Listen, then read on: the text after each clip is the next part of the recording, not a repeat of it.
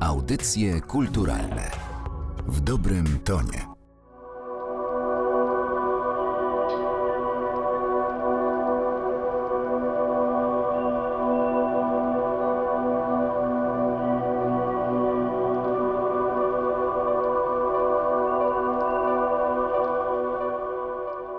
Przy mikrofonie Martyna Matwiejuk słuchają Państwo audycji kulturalnych. Dziś moim Państwa gościem jest Paweł Pruski. Spotykamy się, by porozmawiać o jego najnowszym albumie zatytułowanym Moments of Immersion. Cześć Pawle, bardzo miło mi Cię gościć w kontroli jakości. Cześć i wzajemnie, bardzo się cieszę, że się spotykamy. Tym razem nie na przestrzeni, a na momentach skupiłeś się tworząc ten album. Bohaterkami tej płyty są chwile. Czy to taki dźwiękowy pamiętnik? W zasadzie tak, bo tutaj trochę koncepcja była odwrotna niż poprzednio, bo imersja, pojęcie w ogóle imersyjności się kojarzy w tej chwili dość mocno ze sztuką cyfrową, a tu inspiracja poszła dokładnie z przeciwnej strony, bo miałem okazję dość sporo koncertować i testować na żywych organizmach różnego typu utwory i dźwięki.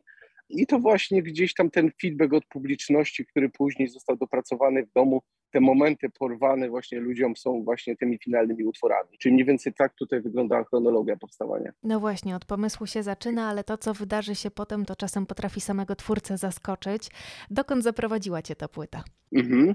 Dla mnie w ogóle ten aspekt y, grania muzyki na żywo, szczególnie ambientowy, jest bardzo ważny. Dla mnie te spotkania są w zasadzie równie istotne co sama płyta, bo w świecie cyfrowym, o którym tu już wspominałem, gdzie jakby kontakt z słuchaczem często ogranicza się do jakichś cyferek, statystyk, czy to w jakimś streamingu, czy to w jakichś social mediach. I ten kontakt czasem bywa dość trudny, wydaje mi się, więc możliwość jakby tutaj na powrót obcowania z ludźmi, gdzieś tam rozmawiania i z tego czerpania inspiracji jest dla mnie bardzo ważna. Więc jakby troszeczkę to wyszło samo z siebie, ale w pewnym momencie zorientowałem się, że właśnie tutaj ten kierunkowskaz może być interesujący, właśnie poprowadzony w tą stronę. Mhm. Do y, sytuacji koncertowych jeszcze na pewno powrócimy w y, dzisiejszej rozmowie. Na tej płycie wykorzystałeś syntezator modularny, wykorzystałeś nagrania z taśmy, ale także filtr recording. Jak w tym wszystkim odnaleźć harmonię?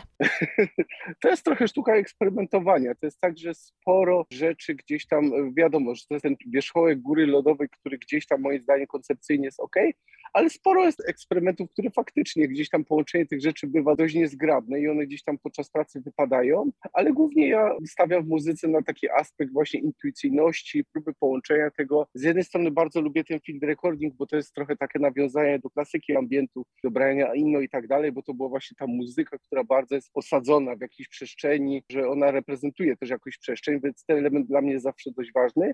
A jeśli chodzi o syntezator modularny, to jest takie urządzonko, które trochę rośnie wraz ze mną na szczęście nieobjętościowo, a jeśli chodzi o koncepcję, więc też w odróżnieniu od zwykłego syntezatora, który jest zamkniętą formą, Tutaj dość często zmieniają się te wewnętrzne rzeczy, też eksperymentuję z tym, także żyjemy ze sobą, egzystujemy na co dzień, a płyta jest takim zwieńczeniem tak naprawdę tych wszystkich eksperymentów. Ja przyznam, że słuchałam tej płyty w dwojaki sposób. Najpierw tak, że skupiałam się tylko na muzyce, a potem w taki sposób, że ta muzyka towarzyszyła mi przy wykonywaniu innych zadań, na których musiałam się koncentrować. Mhm. I powiem Ci, że to jest fascynujące, jak z jednej strony ta muzyka potrafi rzeczywiście być nieinwazyjna i towarzyszyć, a jak z innej strony potrafi całkowicie pochłonąć, jeśli się jej zapewni ku temu odpowiednie warunki. W jakich kategoriach myślisz o tej muzyce, tworząc ją? Jak to się dzieje? Jak to jest możliwe?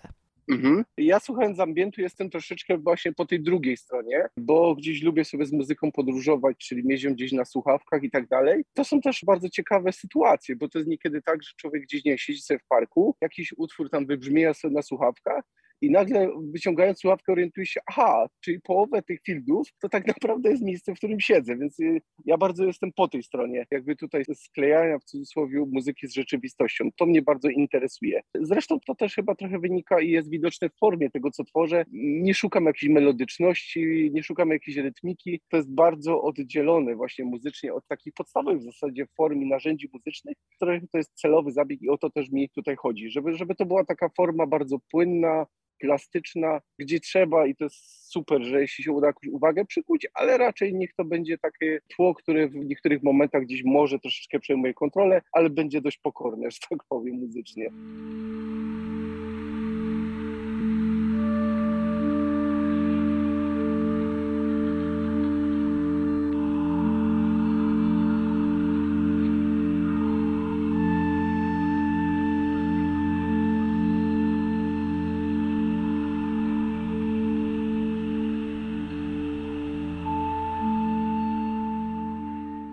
Wydarzeniem w przypadku tego albumu jest też tłoczenie winyla.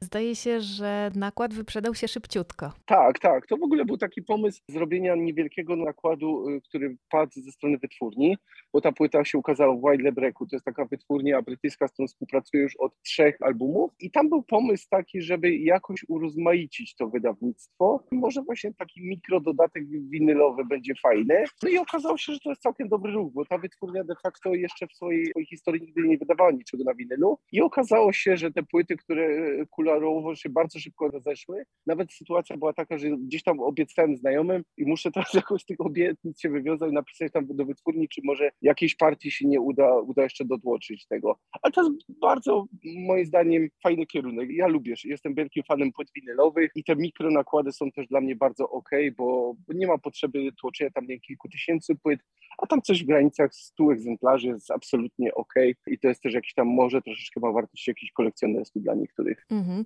To y, słów kilka jeszcze może o stronie wizualnej, bo wydaje mi się, że w tej naszej erze cyfrowej no, musimy bardzo dbać o atrakcyjność tych nośników analogowych, w zasadzie jeszcze bardziej niż, mm -hmm. niż kiedyś. I wydaje mi się to szalenie ważne, by też te nośniki fizyczne były przedłużeniem charakteru muzyki, który prezentują. Y, u ciebie mamy przezroczysty winyl. Na okładce -hmm. widzimy materiał, który też jest taki pofalowany, falujący, ulotny, kojarzy się ze spokojem, ale też y, przywodzi na myśl przebiegi sygnałów dźwiękowych. Opowiedz o tej oprawie graficznej. Dokładnie tak. W zasadzie to określenie teraz, które padło jest w punkt. Te takie falujące rzeczy, ja bardzo lubię, bo można sobie składać muzykę z różnych fal dźwiękowych. Jestem wielkim fanem y, tworzenia sinusów. Mamy oscylator, w którym jest ten dźwięk sinusoidalny i ja go uwielbiam wręcz. Praktycznie wszystkie moje utwory są w oparciu o, o takie sinusy tworzone. No i właśnie ta układka reprezentuje takie fale sinusoidalne, które gdzieś tam zanikają. A winyl y, właśnie tutaj w takim transparentnym kolorze, przeżyczystym, też jakby pokazuje troszeczkę to, o czym wcześniej rozmawialiśmy, że to jest coś, co ma przenikać przez niego, że nie jest taka zwarta forma, tylko podobnie jak z dźwiękiem, jak z kompozycją, z muzyką, tak również tutaj właśnie pomysł tego transparentnego, przeżyczystego winyl był taki, żeby właśnie trochę świat przez niego też fizycznie przelatywał, mówiąc kolokwialnie. Kiedy mówiłeś o tych sinusach, to y, przypomniał mi się taki jeden z wywiadów y, przeprowadzony z Eugeniuszem Rudnikiem, kiedy on zapytany, jak to się stało, że stał się takim kompozytorem, powiedział bardzo prosto. Wiedziałem, czym różni się sinus od kosinusa. I tak to się wszystko zaczęło. My jesteśmy przyzwyczajeni do tego, że setom czy, czy live-actom ambientowym towarzyszą wizualizacje. Tu powrócę właśnie do tych sytuacji koncertowych, o których wspomniałeś na początku, ale chciałabym Cię zapytać o pewne wydarzenie z minionego lata, kiedy Twojej muzyce obok wizualizacji towarzyszył również taniec, towarzyszyli tancerze. Czy ambient współgra z tańcem? No właśnie okazuje się, że tak. Przynajmniej w tym koncercie, o którym tutaj rozmawiamy, to było też dla mnie zupełnie jakby nowe doświadczenie, bo to byli tancerze, którzy na co dzień zajmują się tańcem improwizowanym i jakby od tej strony poszła tu inicjatywa, że spróbujmy właśnie poruszać się w dźwięk ambientu i byłem bardzo zdziwiony. To jakby wielkie szapoba i pokłon niski dla tancerzy, ale okazało się, że właśnie ta oszczędna forma też jest poniekąd atrakcyjna. Dla nich oni na, na, co dzień, jak się można łatwo domyślić, raczej pracują z jakimś rytmicznym materiałem, a właśnie taka snująca się przestrzeń dla nich też jest to ciekawy jakby sposób ekspresji w postaci tańca.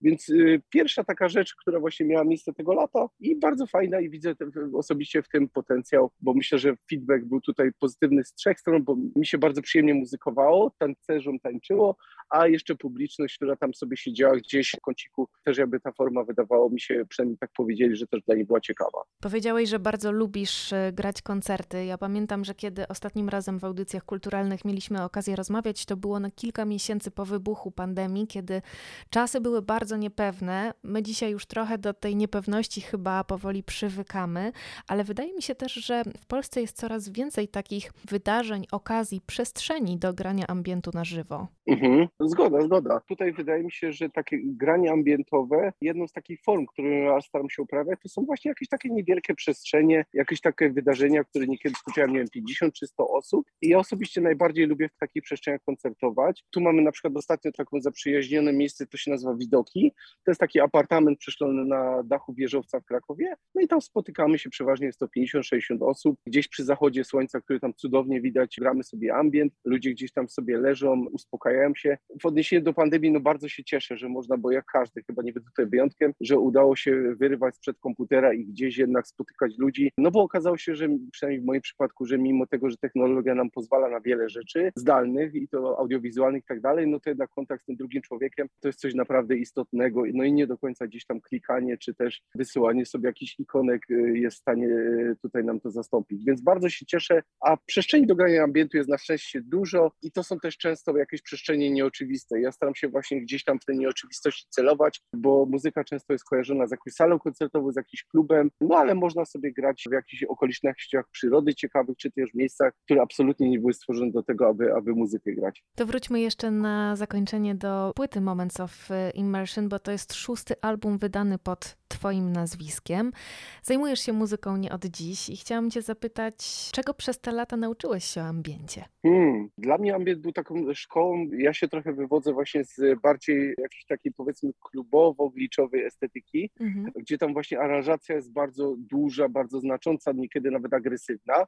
I przed e, zabawą z ambientem wydawało mi się, że to przecież wyłączy się kilka tych rzeczy, odchudzi się tą aranżację i będzie strasznie prosto to zrobić. A jakby miałem dość sporo taki okres, że mocowałem się z materiałem i wcale prosto nie było. I jakby dojście tutaj do tej minimalistycznej estetyki takiej, która współgra ze mną, bo z perspektywy słuchacza ja przypuszczam, że to super, że ten materiał sobie żyje własnym życiem i zawsze to, to mi się bardzo podoba, żeby moja osoba tu gdzieś schodzi na, na absolutnie na antyplan, ale z perspektywy tworzenia ambientu na początku sporo pokory musiałem przyjąć, zanim właśnie tutaj doszedłem do tego, do czego chciałem dojść. A w tej chwili, w tej chwili gdzieś tam staram się to delikatnie rozwijać, tak żeby z jednej strony ta muzyka była nadal moja i gdzieś tam ta powiedzmy wyjątkowość, którą staram się wkładać, była choć troszeczkę widoczna, a z drugiej strony, żeby cały czas ewoluowało i nie było to jakieś takie odbijanie kalki, bo to jest nieinteresujące i dla mnie, i dla słuchaczy również nie miałoby to większego, mam wrażenie, sensu. Paweł Pruski był dziś gościem e, kontroli jakości cyklu płytowego w audycjach e, kulturalnych. Jego najnowszy album Moments of Immersion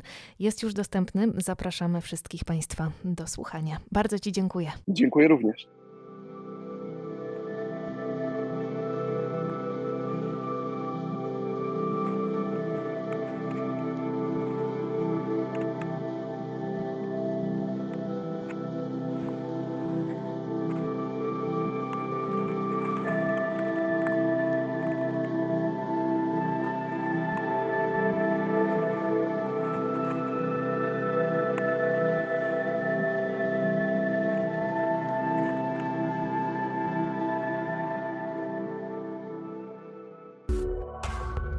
Audycje kulturalne w dobrym tonie.